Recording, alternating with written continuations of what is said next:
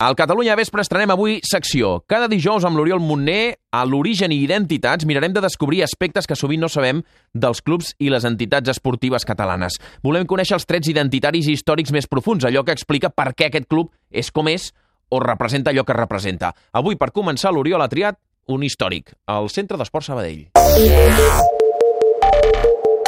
Orígens i identitats, amb Oriol Montner. Un dels clubs històrics del futbol català és el Centre d'Esport Sabadell. Fundat el 1903 i actualment militant de segona B, poca gent sap que el Sabadell és el tercer club de Catalunya en palmarès i, a més, el primer a lluir una equipació arlequinada.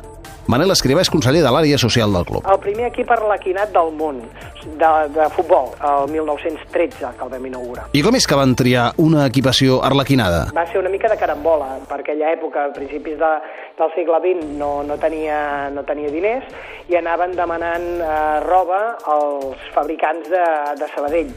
Es va iniciar doncs, també amb, amb, amb, a ratlles i així, fins que el 1913 bueno, van iniciar el, els colors eh, en arlequinat. D'allà eh, es va agafar una bona ratxa, en la qual fins i tot vam ser campions de Catalunya, i es va quedar eh, i no, bueno, instaurat el, els quadres. I ja posats a saber més coses de la samarreta del Sabadell, perquè els quadres són blanquiblaus. La història ve de lluny. Els colors de, de la flota de Roger de Llúria. De fet, si ens agafem els escuts d'armes de, de Roger de Llúria, veurem que, que són blanc i blau a ratlles.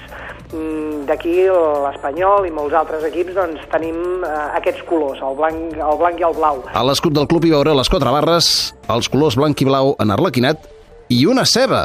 És la famosa ceba que es diu que dona nom a la ciutat de Sabadell? Per entendre-ho d'aquesta manera, sí, el Sabadell va agafar el símbol de la ceba com a propi, donant per aquest mm, mal nom o mal entès, o... però sempre ens hem fet nostra la, la ceba de Sabadell. Pel, és per la ciutat de Sabadell que tenim la ceba.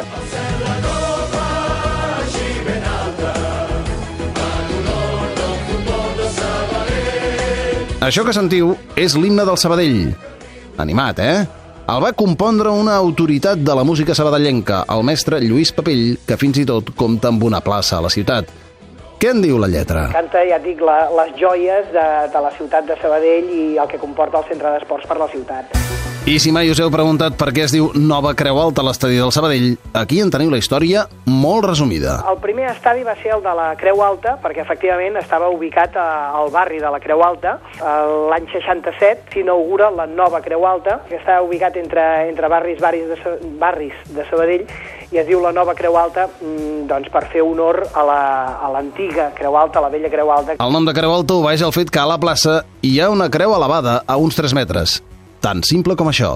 I si bé són coneguts com els arlequinats, els seguidors del Sabadell, històricament, han tingut un altre sobrenom. També havíem estat coneguts com l'equip llaner. Sabadell era molt conegut per la indústria tèxtil, per la llana, sobretot. Sabadell era coneguda com la Manchester catalana i, per tant, nosaltres érem els llaners. Doncs entre els llaners s'hi compten alguns seguidors il·lustres. Podria dir-te, per exemple, el Pepe Navarro. Per exemple, tots coneixeu eh, el Sergio Dalma, de Maria Capdevila, que sempre s'ha- sempre ha distingit de que ell és, ell és sabadellenc i, i arlequinat a la presidenta del Parlament de Catalunya, Carme Forcadell. Ja ho veieu, aquell club que van fundar els germans Saus després d'haver vist jugar a futbol a França i a Bèlgica encara espera donar molta guerra.